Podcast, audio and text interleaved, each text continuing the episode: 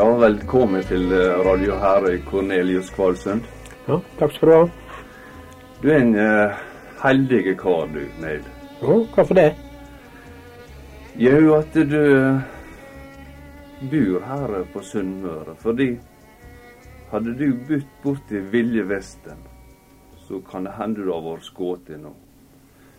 Fordi der borte, der brukte de å skyte hestetjuver.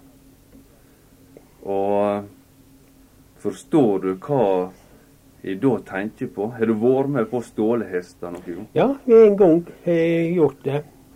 I lag med en annen kamerat. Herlof Varald. Vi var i lag på eh, Polstrøm på ishavet. Og så kom vi hjem igjen, og så skulle vi nå ha det litt artig, da. I stedet for å sitte nede i lugara, så fant vi, ut dem vi skulle ha sin tur på land. Og da eh, fant vi de her merra til prester. Inn i Kjærvåga? Ja, det var der ute ut mot Stokksund. eh, der ute. Og gikk på beite. Det var om sommeren, dette der, for det var to streter vi kom da. Og så Ja, var de oppe og rydde på noe med, eller bare Ja, så fant vi ut at uh, de der skulle vi jammen de bruke til en ridetur gjennom bygda. Og det var slik da at jeg satte meg fram helt i måna, og han Gjerlof uh, snudde seg bakover og velte Ali. Det var vel litt et, et synd for Gula, selvfølgelig. Og så kom vi inn til husas as, uh, boff, nei, omflads, Andreas Klongsør. Og, og der var nå ei jente, da. Som heter Randi, og det var ei fin jente. Og det kanskje Det var det vi har funnet ut, da. At det, hvis vi kom til hest, så var det kanskje bedre sjanse. Men uh, mora likte ikke dette der, for det, ble litt bråk med oss da. Og ja, hun lette opp glassordene til å snakke, og, og så syntes hun vel det, det var ikke sømmelig, dette der. Og så eh, ringte hun til Osvald Lindnes, han som, hadde oss som mannskap på Polstrøm, da, og så eh, sier han disse galningene, disse galningene dine der eh, på Polstrand må du ta og hente og få dem om bord igjen. For de, de er jo på gjest til en mer, eller hva det var hun sa. da. Og så det sendte vart de, sa han. Og han fortalte meg det da etterpå. Men så kikka jeg ut gjennom glasset, for det var noe lyst. Det var noe sommer da, dette der. Og da ser han disse to karene på denne merden. Og han lå så han hiksta så han seig ned for, på kne nedfor vinduet og så på dere to karene. sa Og eh, han gjorde ingenting, for eh, han syntes det dette var så artig. Sånn eh, moro måtte de lov å ha, mente han. Du, var der, var der sal og beksel på Nei, det? der var ikke noe slag, for hun var sikkert på beite. Og eh, så, eh, så var ryddig og rein, da. Du, jeg satt sammen med deg en kveld, Cornelius, og da la jeg merke til at du mangla en finger. Det var ikke tilfeldigvis eh, i forbindelse med at du skulle styre mer, og at fenger, halve fingeren for. Nei, det var ikke det, for det var, det var spekk det. Jeg fikk det i Sava da, så eh, det var ikke galt når jeg, jeg kom hjem igjen, da, men det utvikla seg nå, da. For det, dette spekket, det, det er antagelig sånn som du får etter sjuke dyr, da. Så det blir som noe fliss med fingre. Det hovner opp, og, og eh, til slutt så, eh, med meg i hvert fall, så råtner det opp bein. Så jeg var sendt på Rikshospitalet, og der kutta de den der eh, fingeren. For der var en gade. Han har forresten vært her i Herøya. Tidligere som eh, distriktslege. Han eh, kalte meg med samme kom ned, for han sa han var så interessert han så det var Kvalsund. For at, eh, han har vært der som eh, distriktslege der oppe, og han kjente flere. Det var noe, når Vangnes har sporet, og en racer, ja, så, var det noe ja, Jeg tror det sporet en Josef Teiga. Og han var så gamle, da. Og så sier han det at eh, Når ser på fingeren min, og så sier han det at eh, eh, Ja, det var noe amerikansk medisin de mente her i Ålesund at det var kommet. Og sa han det om det var kommet, så var ikke det gang for fingeren var rått i, i fremste del av to, to lider. da. Så det er ikke noe annet gjelder kuttet. han. Så da, da eh, for fengre, og da slutta du på ishavet? Nei, jeg gjorde ikke det. Du, du for igjen? Ja da, gjorde jeg. Du kunne frykte at de for ei fenger neste tur med? Ja, det, men det var nå eh, det at eh, dette der eh, amerikanske medisinet som tok disse der spekkfingrene, det kom året etterpå. det. Men uh, det amerikanske medisinet var nå vel og bra på disse spekkfingrene, men det, ishavet var nå så mungt, og, og, farlig var det, Cornelius. Um, du fortalte meg du var en gang nede på et isflak og sto og, og våg på om du skulle hoppe bort på det neste. Ja. Hvor uh, Litt. Ja, så lå uh, han Josvald Lillenes, da, med, han som var skipper, ja, og baua dette flaket skulle baue det attåt til neste, sånn at det skulle være um, komme over. Og så sier jeg hopp. Jeg vegrer meg litt, for jeg, jeg, var ikke så sikker på om dette var helt holdbart. Da, men jeg hoppa likevel, og, og så brast det ut. Og eh, jeg hørte han gutt ropte at han måtte bakke. Og det som redda meg for å ikke bli kleistra den gangen, det var en isfot som eh, tok av, da, slik at flaket kom ikke i hop. Flaket kom ikke i hop. Men, det Men, dette der er noe sånn som foregår seg på ishavet. Det er så mange som drar i sjøen, så det, det er sånn som man må ta med seg. da. Men en sånn ishavsskipper som var så uh så kalde som de var. Hvordan reagerte på det, han? Ja, jeg skal si det, det at det, han eh, han eh, sa aldri 'hopp til meg mer'.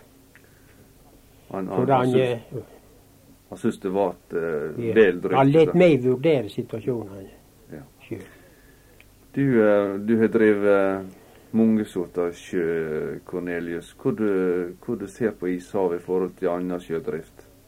Jeg likte meg veldig godt på ishavet. Det er, det er noe eget med is og snø, og det er fascinerende. Jeg forstår godt disse fangstbindene som drar borte på Svalbard og, og, og Jan Mayen og flere plasser på sånn, sånn eh, fangstgreie.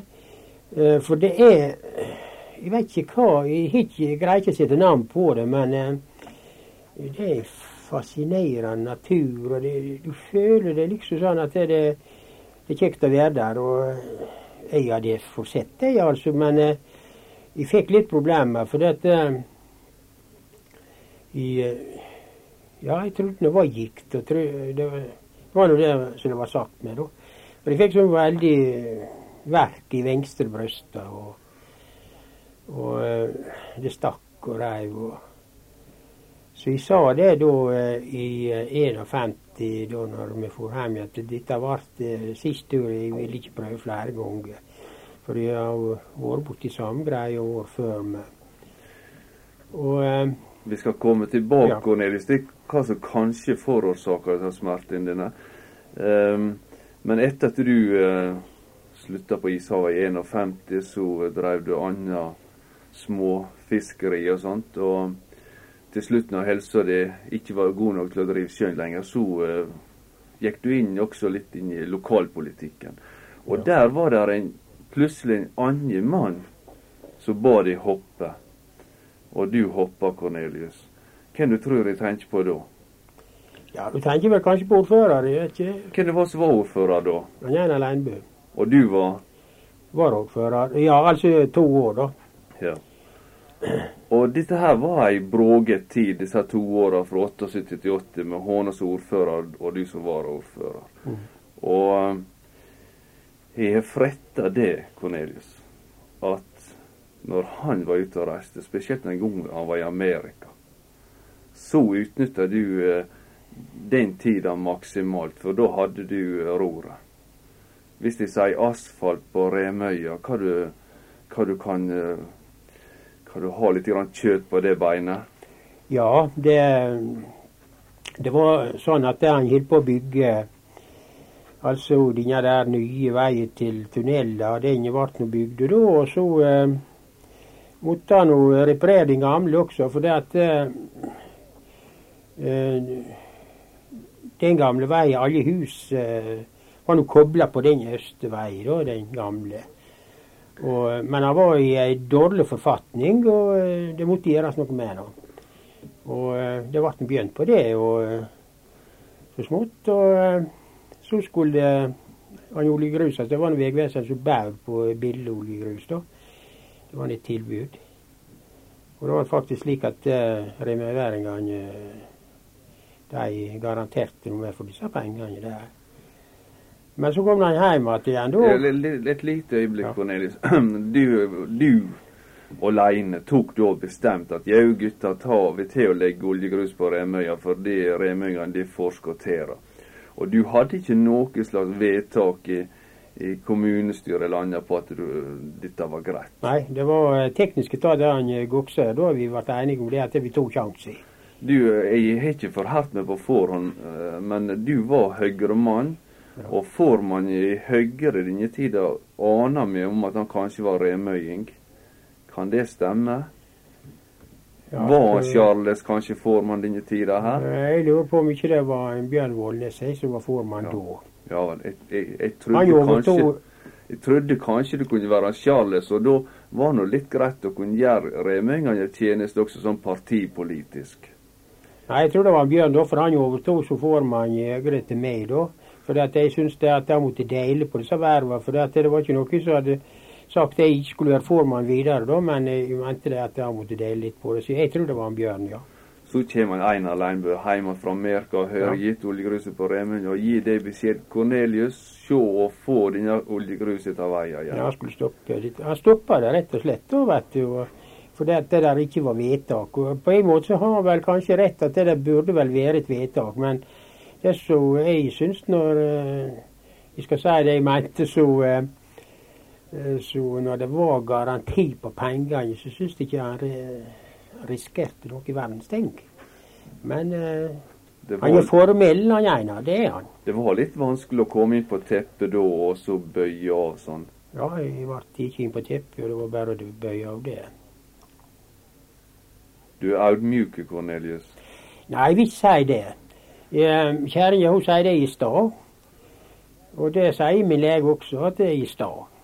Det, det sier det at han er greit med så godt med en sånn skade, sier han. Er, men eh, det i enkelte tilfeller Jeg skal si én ting, at jeg var nybegynner. Og Einar hadde veldig god erfaring, så egentlig så har jeg ikke så eh, veldig mye å stille opp sånn sett, for jeg har for lite praksis. Eh, jeg tror han må være der i tre-fire år skal han eh, være eh, sta og bestemte, for da veit han mer hvor han skal gjøre saker og ting. Akkurat. Og den som visste hvor saker og ting skulle gjøres, han kjøpte Gevon, og den var til salgs for Herøy kommune, og du var midt oppi det her. Og her ble det en stor strid da imellom hvem det var som eide alt der ute på Gevo. Om det var kommunen eller det var noen andre. Ja. Og jeg tenker nå på en helt spesiell episode. Ja.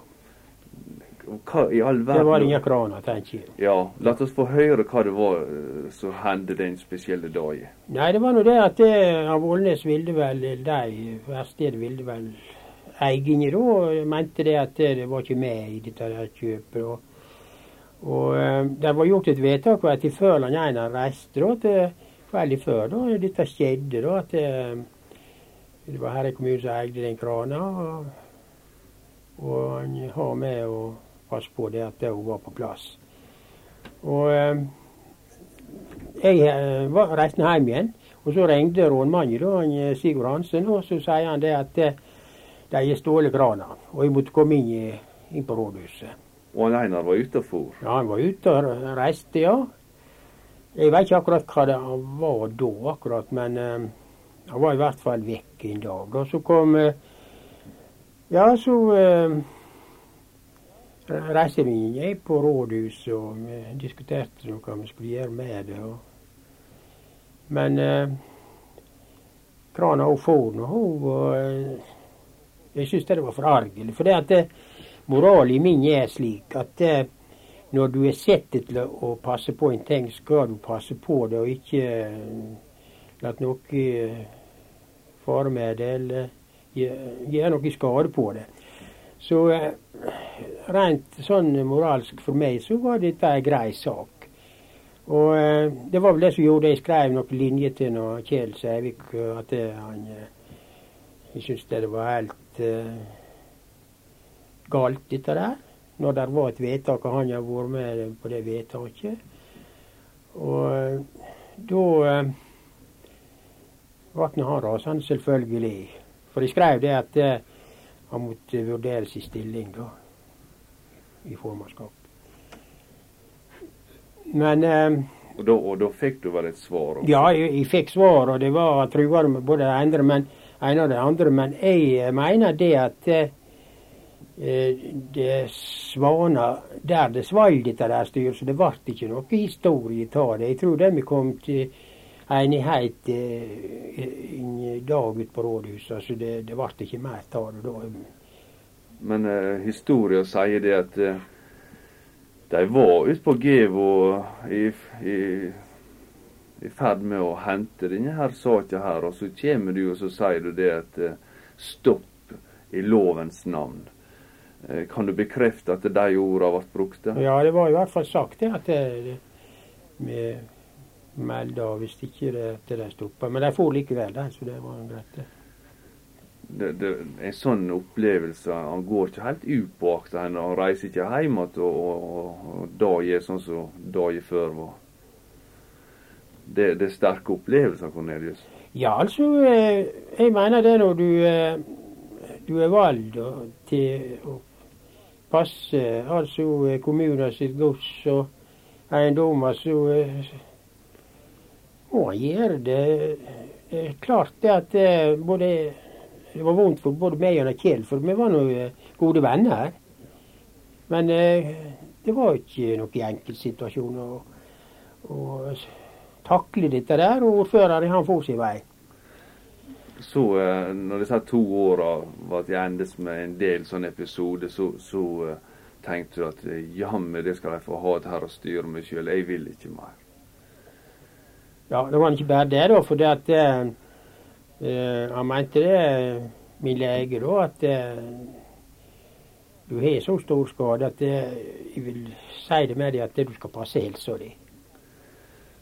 Men det, du klarte nå å få gjort, både du som varaordfører og til liks med alle andre ordførere, får få gjort en del sånn fordeler for heimbygda sine. Du, du klarte å få lagt oljegrus på Nærlandsøya f.eks. Ja, det var første året jeg var inne der. Og, og uh, så var det da uh, Ja, det var mye som skjedde. Så overtok vi Det var når jeg inne, det lyset der på Nærlandsøya, Det var husmorlaget som hadde kosta det. Og jeg husker godt dagen vi gjorde den handelen, da. At de var det ikke husmorlag der ute på banken, og de Kreita litt og sa at de greier ikke så store utgifter. Og da eh, ble det slik at vi fikk eh, kommunen med på å overta. Så eh, det var husmorlaget som bygde det ut, men det var kommunen som, eh, betalte det, da. Ja. Og eh, jeg vil si det at jeg, jeg vil ha litt av æra for det, da. Men Også, hva som gjør at de karene som er sånn toppverv her utafor, ikke syter for at det der skjer mer inn på Gorskøyen. og Der får de kjøre på, kjøre på her Krøtersti og på oppå Løset f.eks. Ja. Trenger de sin ordfører, er det det de må ha? Ja, altså, eh, jeg veit ikke. Jeg er ikke helt sikker på om det bærer det. da. Der, eh, jeg mener det der var noe ugreie med den eh, veilinjen der på sørover mot Isnesa, da gjennom Moltustranda. For det, vet, det var noe hus på begge sider, og nokså trangt. Det var noe snakk om ei ny veilinje også, men det ble nå vel til slutt sånn at de skulle bruke denne linja. Så hvis de har vært litt mer enige på Moltustranda? Ja, jeg mener det. Hvis de har vært litt mer enige, så har det gått fortere. Og jeg trodde det at det han Kolbjørn Jacobsen eh, det var en ressurssterk person, og jeg trodde faktisk det han hadde greid å få til gjennom. Altså.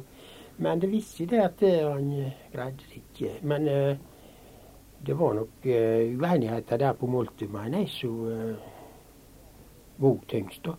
For det, at det er slik i det kommunale og i politikken at det, hvis ikke folk er enige, så sier politikerne det er bare å slåss og bli ferdig. Det vi kan vente. Er nå Fole frista å si det at uh, det har ikke akkurat vært fredens folket på Nederlandsøyene heller? Nei, det tror ikke jeg vil si. Det har vært sleiest om alt det som går an å slåss Ja, det har vært uh, den store havnestrid. Ja. Og uh, jeg kom nå borti det da når han skulle bygge ut denne småbåthavna. Så fikk jeg ikke med stein noe plass på Kvalsund var det litt vanskelig å komme til. Og, og eh, så prøvde jeg på Kåpastad, men eh, der var ikke eh, mulig å få nok stein ut i Kvalsund vi prøvde med da. Og eh, der eh, var litt stein, men eh, vi fikk ingenting. Men det var noen Bårdhaug der som sa det at altså han sjefen der nå i byen, at vi prøvde. Og eh, så sier han det en dag eh, jeg sa det, det blir vanskelig dette her å få stein. Så eh, nå har vi fått i orden vedtaket og sånn, og så mangler vi stein. Så sa han det at du får gå til teigkara, du. For det at jeg veit det de sleie som hund og katt, men du får bare bite i det sure eplet og, for å spørre. Og det gjorde jeg. Jeg spurte når Konrad og Krevde, Krevdes det mye av å bite det sure eplet da? Nei, egentlig så ikke jeg si det. det jeg, jeg tror det jeg vil si det at uh, jeg har gjerne gått i dette teigeprosjektet. For jeg mente det at det, det var mer dybde til de store båtene. Og det var kanskje det som var best. Men i ettertid, da Cornelius, fikk du de stein der ute på Teiga med? På Teiga du, du, du sa det til dem, at det var i grunnen der havna skulle ha vært? Nei da, det var ikke noe med det å gjøre, men det, de, eh, det var en haug han eh, Bårdhaug pekte ut der. Og, og eh, jeg fikk ja om stein i. Det var altså Det var fire mann som eide det. Det var han Konrad Kasper og han Knut og Paul Teigen. Så det fikk de dere ham til slutt. Men eh, ja. de, klarte å, de klarte ikke å fylle opp med så mye båter ned på den småhavna deres at det var lønnsomt. Så de måtte nå både ut i Kvalsvika og inn i Fosnavåg og hente folk. Ja, det var det, det trasigste. Vi jobba, jeg og han eh, Nørvåg og kommuneingeniør, vi holdt på med dette der havnegreia i fire-fem år. Altså hadde flere prosjekt på gang. Vi prøvde med for det der eh, Molli det ville ikke havnedirektør reise ut så det, det, var nei og nei nekta til å begynne med. Og så eh, prøvde vi på eh, et prosjekt med sånn eh, betongbrygge, da, sånn som de har på stranden. Jeg skulle legge ut i den moloretninga, da. Og eh, så skulle vi reise langs med land der og fylle bakenfor det. Og så hadde vi grunneiermøte men der var, som du sier, mye slåssing. Så det, det, måtte vi rett og slett bare droppe. Attåt det så ble det så dyrt, men det var et prosjekt på en million. Og i dag, eh, for å gjøre en lang historie kort, så i dag så har Kvalsundar en stor glede av småbåthavna. Til og med Kåparstad-folket kommer der og bruker den. Ja, ja. Vel, eh, vi skal ikke, vi skal ikke eh, snakke om slåssing så mye. Vi skal kose oss Cornelius litt med ei uh, dame som du liker å høre på. Det er jeg helt enig i. Og uh, finske Arja Sayoma.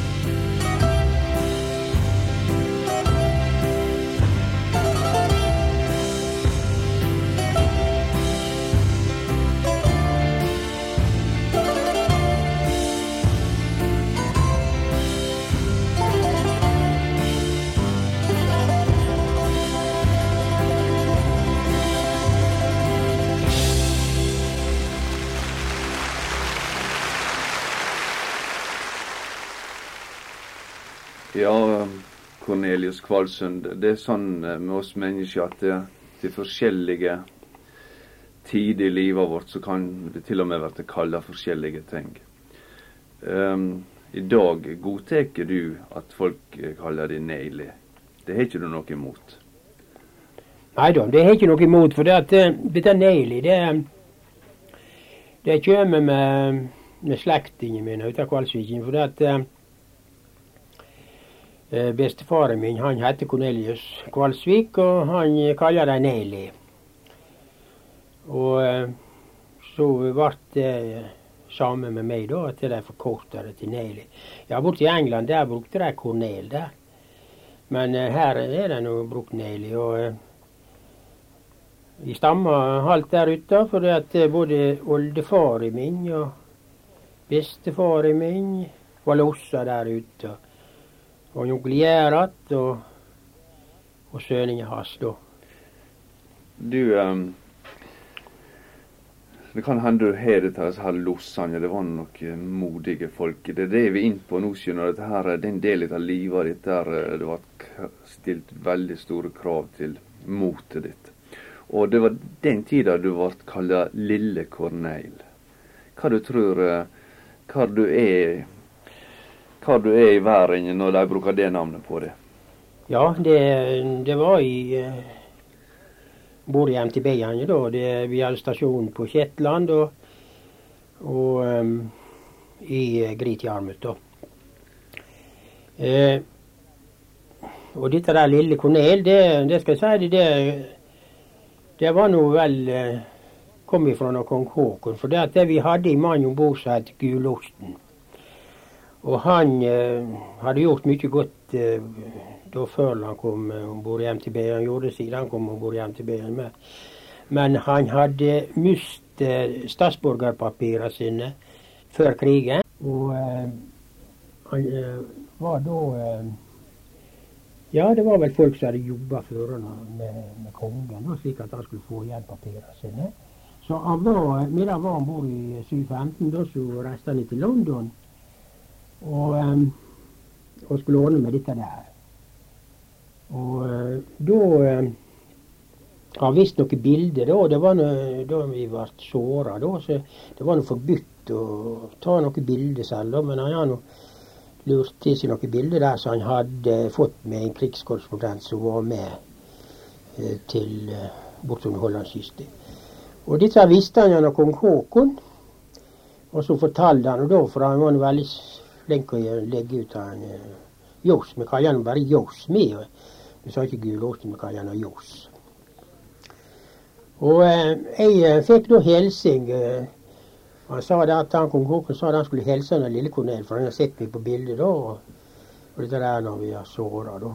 Så når kong Haakon først har brukt uttrykket 'lille Ja, så, så, så, så, var det hengende med dette der lille Kornel, da. Du burde nå faktisk uh, sette så stor pris på det ordet når, at du ba om at det ble brukt videre.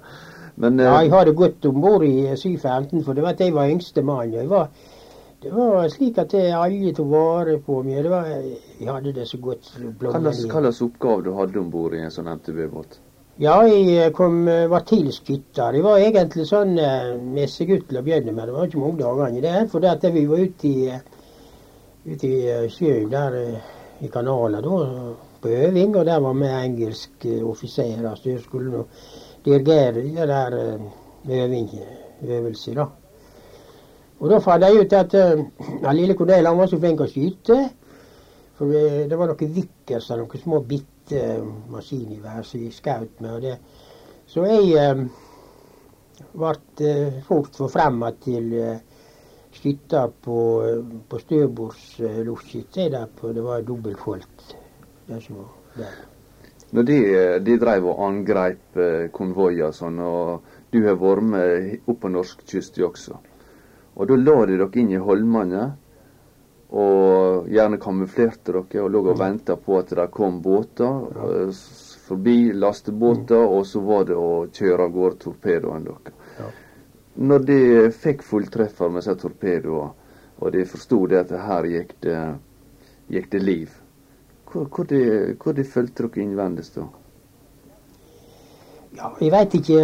Jeg skal si det at det er den skolen vi fikk før vi kom om bord i MTB-ene.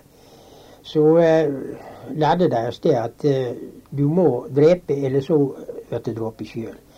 Og den erfaringa er klart at det, det får en etter hvert. Og du kan ikke ta sjanse på, på fiender. Du må være først, skal du overleve.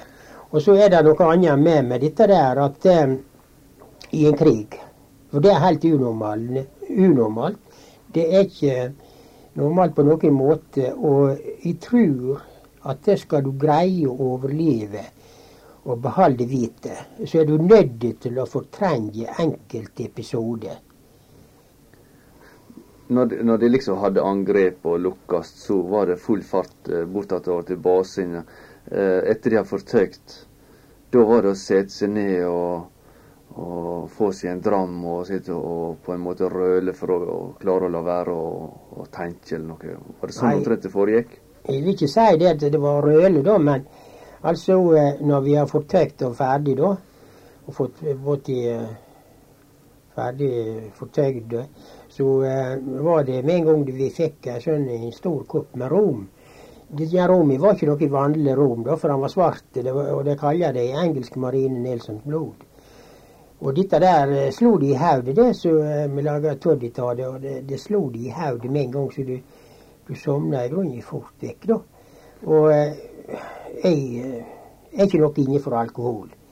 Men jeg tror det at det er det, som de kaller Nelson-blod, dette der Njaromi. At det, det kunne burge mange å ikke få Ja, altså sånn at de ikke fikk reaksjoner. For det at det, reaksjonene kommer ikke under kamp, de kommer etterpå. Og det var vel dette der det de skulle avverge denne Njaromi. Jeg låser en plass til at når de hadde lukkast med et angrep av å komme eh, så seg inn på havna der det baser dere var, så hengte de opp et flagg som de ble kalt Jolly Ja. Roger. Stemmer det? Eh, det, det flagget, det var et slags sånn sjørøverflagg, det. Ja, det, det var vel det, da. Så det var det opp, ja, det opplevde dere som uh, en blanding av sjørøvere og, og krigere og og, og, og måtte ta en dram litt attpå for å komme til hekta igjen. Ja, egentlig var vi vel noen røvere, for det, og vi ble ikke Det var det verste av alt. På MTB-ene, altså. For de to eh, tyskerne tok én MTB på uh, Summerbergen. Og eh, de kom bak, i bakhold og kom og tok dem fra land. Og de fikk ikke kjangs til å stikke av. Og eh, de ble ikke betrakta annet enn som pirater. Slik at De ble skutt på Ulven festning alle sammen. Og de, de tyskerne mente det at de var ikke de var ikke soldater i den forstand, selv om de har uniform, for det var pirater. Men når de lå der i mørkna, og det kom lastebåter forbi, så kunne de neppe være helt sikre på om det var fiende eller det var venn. Og de tjaura av gårde eh, torpedoene deres kanskje litt på måfå. Ja, det, det får å være først, selvfølgelig. Ja, men kunne de da risikere å senke en venn også? Ja. Eh, er, det, er jeg rett informert når jeg har hørt at eh, norske motortorpedobåter senker en norsk hurtigrute? ja. Og et Irma. Og senka på Hustadvika. Var, var den torpedobåten usikker på om det var ei hurtigrute, tror du? Ja, jeg, jeg var ikke der. Det var ikke på den båten som jeg var. Så jeg kan ikke svare for det, men jeg, jeg forstår situasjonen. For det at eh, det er slik at eh, du kan ikke ta sjanse på noen i en krig hvis det er de er, skyts. Så eh, Men mannskapet på den båten, de kom seinere i Måløya i prat med, med folk som har mista noen av sine på den hurtigruta. Ja. Hvor du tror de, de opplevde det? ja, jeg veit det. De har fortalt meg det. De greide ikke å høre på Inge der, for hun mista mannen sin. Og, og når de begynte å prate om dette der, så greide ikke de det. De gikk ut. Og det er klart at det, eh, de hadde Ja, de følte på det de har gjort noe som ikke de skulle gjøre. Men eh, det er nå bare det at eh, jeg eh, syns det der er unnskyldning for dem, da. At, eh, Ja, jeg, vi, vi kan jo selvsagt være enige om at det, det er ikke gjort med, med vilje og verk å ta livet av nordmenn, sånn, men, men disse tingene måtte følge dere en del etter krigen Ja. Det ble en belastning på MTB-ene, mener jeg, da etter krigen. Men det var en ting jeg glemte å si. At eh, de mannskapene mannskapet som eh, stammer herifra, de advarte sjefen eh, imot dette der at han sendte torpedoer. For det at eh, de mente det at eh, hun kunne bare gå, for det var ei hurtigrute. Men eh, du vet, det, mannskapet har ikke noe å si over sjefen, så det som han bestemmer seg for, da, så er det bare lystråder. Dette her, det var altså på norskekysten, da var de stasjonert på Shetland, men når de var stasjonert eh, mer ned i en engelsk kanal, så eh, drev de også angrep der eh, nedover mot den hollandske kyst. Og en gang, eh, Cornelius, de var der nede, så eh, plutselig så fikk du oppleve det sjøl hva det ville si at eh, motstandere fikk inn fulltreffere på dere. Ja. Eh, husker du noe fra det, det øyeblikket granatsplintene slo inn i kroppen din? Ja, altså eh, Det gjør jeg, for det at vi ble overraska på den turen. For det, det, de har sikkert leia lytta på oss at det vi kom. For det at når de åpna eld, så hadde jeg rengas inne. Så det var en masse med båt. Det var sånn tyske ubåter. Nå var ikke de så eh, beskytta som vi var. Det, det, det var ikke så mye skyts på langt nær. Men de var en sånn mengde at det, vi fikk eh, noen voldsomme salver til å begynne med. Og eh, så eh, gikk vi ut igjen. Vi kom oss ut av denne renga. Knipetungen, kan en godt kalle det. Og, eh, men eh, det var en kald fisk, han som var sjef. Det, det var altså Sonias admiral Danielsen. Og han var kjent over hele England for det at det, han var eh, slubbete, og han gikk med to striper på en arm. Jeg var ikke nøye med den uniformen om hun var i stand, men kriger var han. Og han kom seg ut igjen, og så fant han ut der han skulle gå inn igjen og angripe en gang til. Det var vel fem-seks båter i da. Husker du da Da fikk jeg salve. ja, Husker du da når du skulle inn igjen, tenkte du i ditt stille sinn at mannen er nå aldeles uh, fra seg? Ja, jeg kjente til noe, så jeg visste hvor han var. Syns du det var greit at de for inn igjen en gang til? Altså eh, der, han, der var en offiser som sa det at eh, det, det er to slags soldater. Det er de som åpner bak, og de som kniper det igjen. Under sterkt Under Under press. Ja. Og du kneip igjen? Og jeg kneip igjen. For det Du var ikke brukende uten. Men det kneip vel igjen hele gjengen. Men likevel så yngste det vel det at han, han behøvde ikke å fare inn igjen og, og ta livet av dere. Han gikk inn igjen etter vi var såra. Så gikk han inn igjen en gang til. Før han gikk tilbake. Og de lå og blødde. Ja, vi lå og blødde. Vi lå nedi i, eh, den der uh, sjeflugara, da. Det var hans lugar vi lå i. For der, der var ikke sykelugar på disse der, for de var så små. Og eh, vi lå nå der og blødde og trøsta noen hverandre, da. Og, og så eh, ble vi nå Ja, når vi mistet mye blod, da, så sovna han inn, da. Eh, så eh, egentlig så var det Men jeg tror ikke han trodde det at det, var så galt heller. Eh, for han var vel ikke klar over hvor mye skade vi har fått. da. Men for jeg for min del, jeg fikk jo altså Ja, Josef skrev to lange skudd, men egentlig der er nå tre igjen. Hvor mye det, De tok jo operasjon også, så det er vel plukka ut det som var yngst. For dette der, det ble et eh, Ja, altså det, det var splintra som fauk, for det at det staget baka i ryggen min, han eh, Det var avskutt, da. Så det kulene smadra seg på det stedet, og så får du splintrene alle plasser.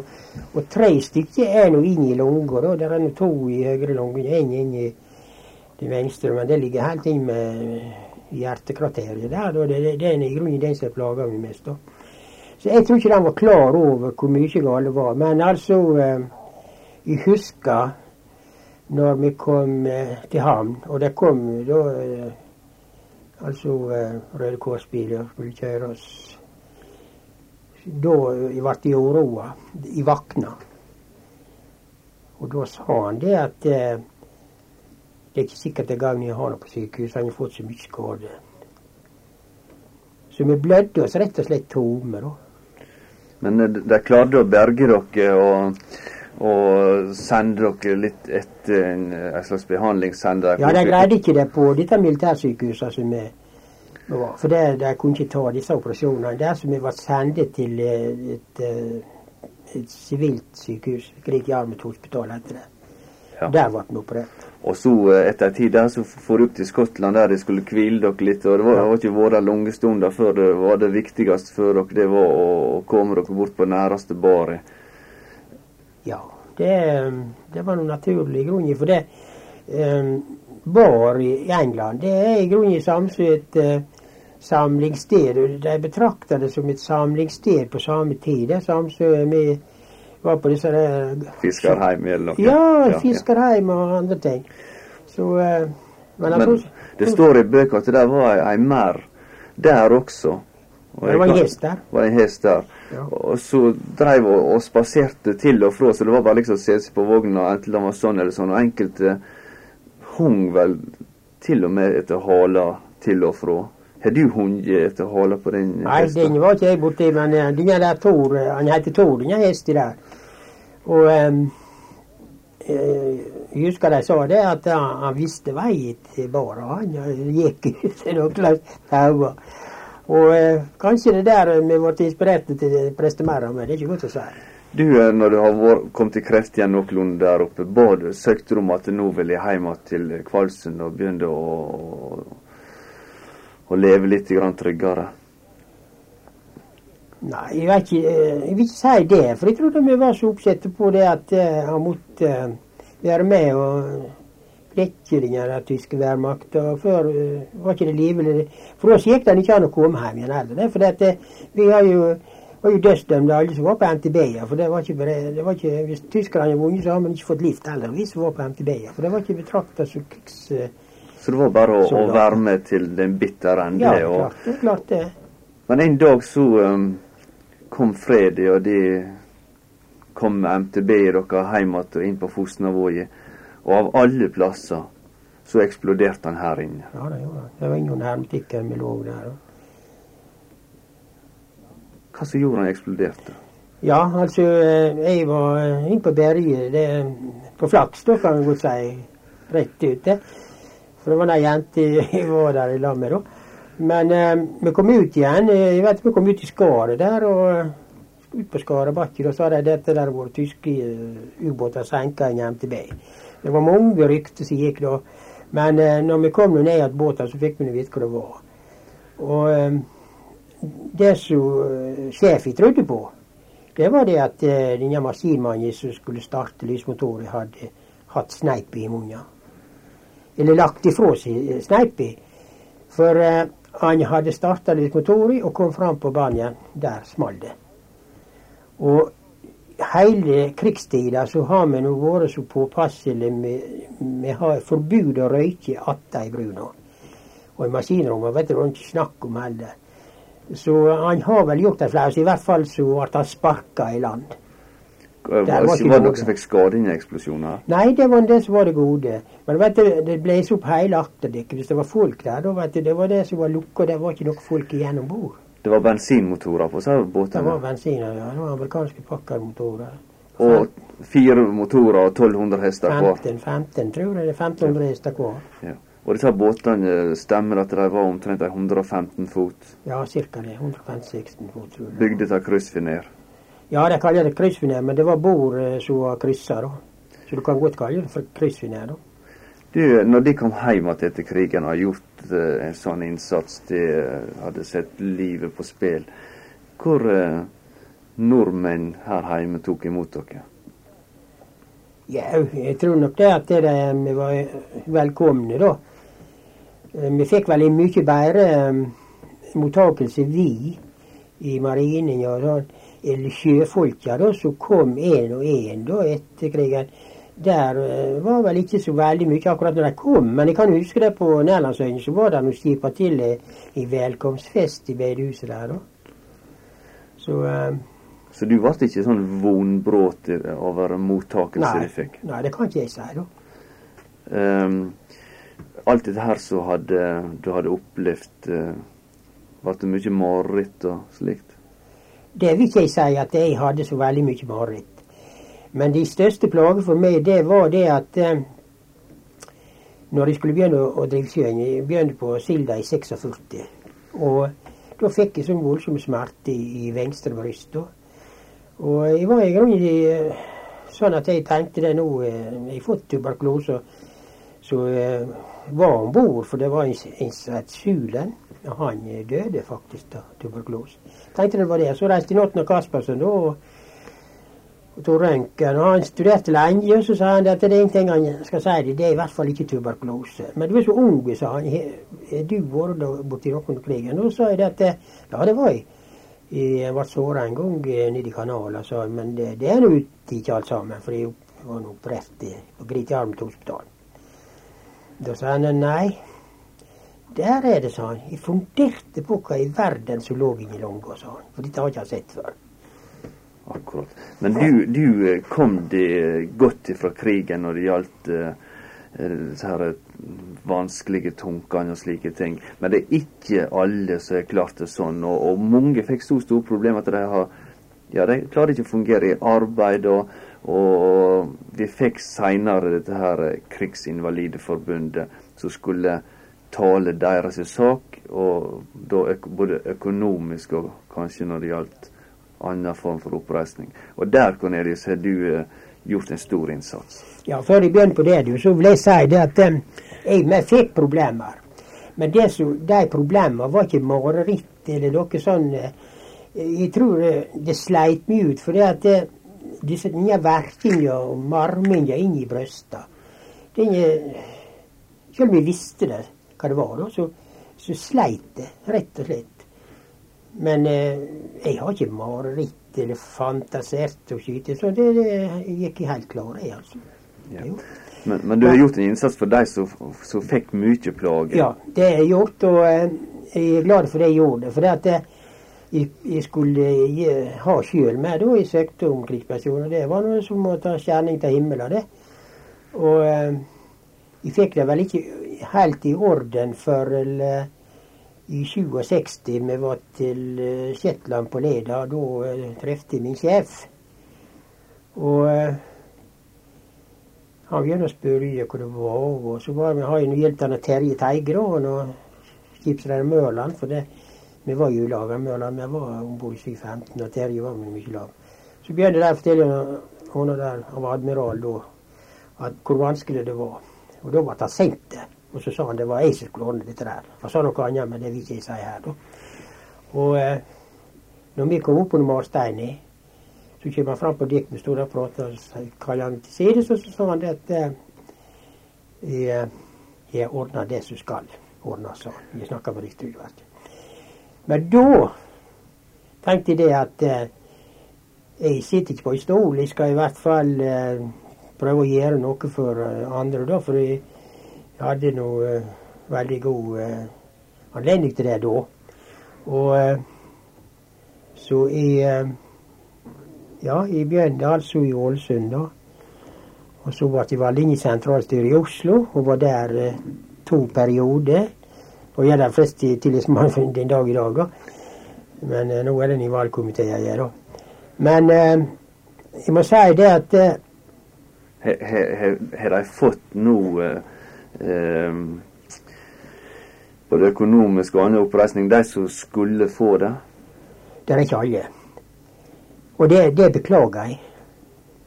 For jeg så, altså sånn som med sjøfolka. Det, det, er så mye å si på det. Det er klart at det, det var mye vrak som kom hjem igjen. For det at de har gått gjennom så mye gjennom fem år. Og, men da når Krigsinvalideforbundet ble starta, og de begynner å få hjelp, og de har fått igjen, du kan si, menneskeverdet, så så jeg hvor fine folk de med var.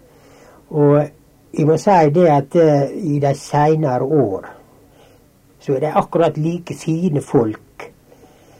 Og oppfører seg like dannet som hvem som helst. For jeg har vært i forskjellige organisasjoner. Jeg var i Trygdestyrenes Landsforbund og, og forskjellige. Og de er akkurat like bra folk som noe annet. Vi som ikke veit det som du veit, hva som ligger bak, tror du at vi har for lett å bare se at der går en kanskje har drukket for mye, og så tenker vi dette der er ei grein å løse. Og så forstår ikke vi hva som er grunnen. Tror du at det i hvert fall har vært et problem? Ja, jeg mener det var et stort problem. Og jeg eh, må si det at eh, jeg var klar over, og det var vi alle som arbeidet i dette forbundet, at det, de som hadde det verst, de hadde gått igjennom eh, altså noe som var så eh, grusomt og fælt at det de menneskelige organismer er ikke bygd for slike eh, slike eh, Påkjenninger. påkjenninger, kan du si. da. Du sa til meg at uh, Terje Teige brukte å komme av og til ut i stua til det, og uh, det var en spesiell ting han brukte å si, så du beit i merke. Ja. Han, uh, da før han døde, så eh, kom han ut av to-tre ganger. Og, alle tider når han kom ut, så eh, var det noe det gikk. Og, og så sa han det. Det var siste gang jeg var der da. Så sa han det. Det er én ting du må vite, Neili, sa han. Og det er det at eh, vi gjorde det maksimale av det vi kunne gjøre. Tusen takk, Cornelius Kvalsen, for at du kom.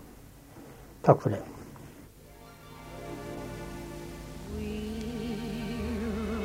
meet again. Don't know where, don't know when,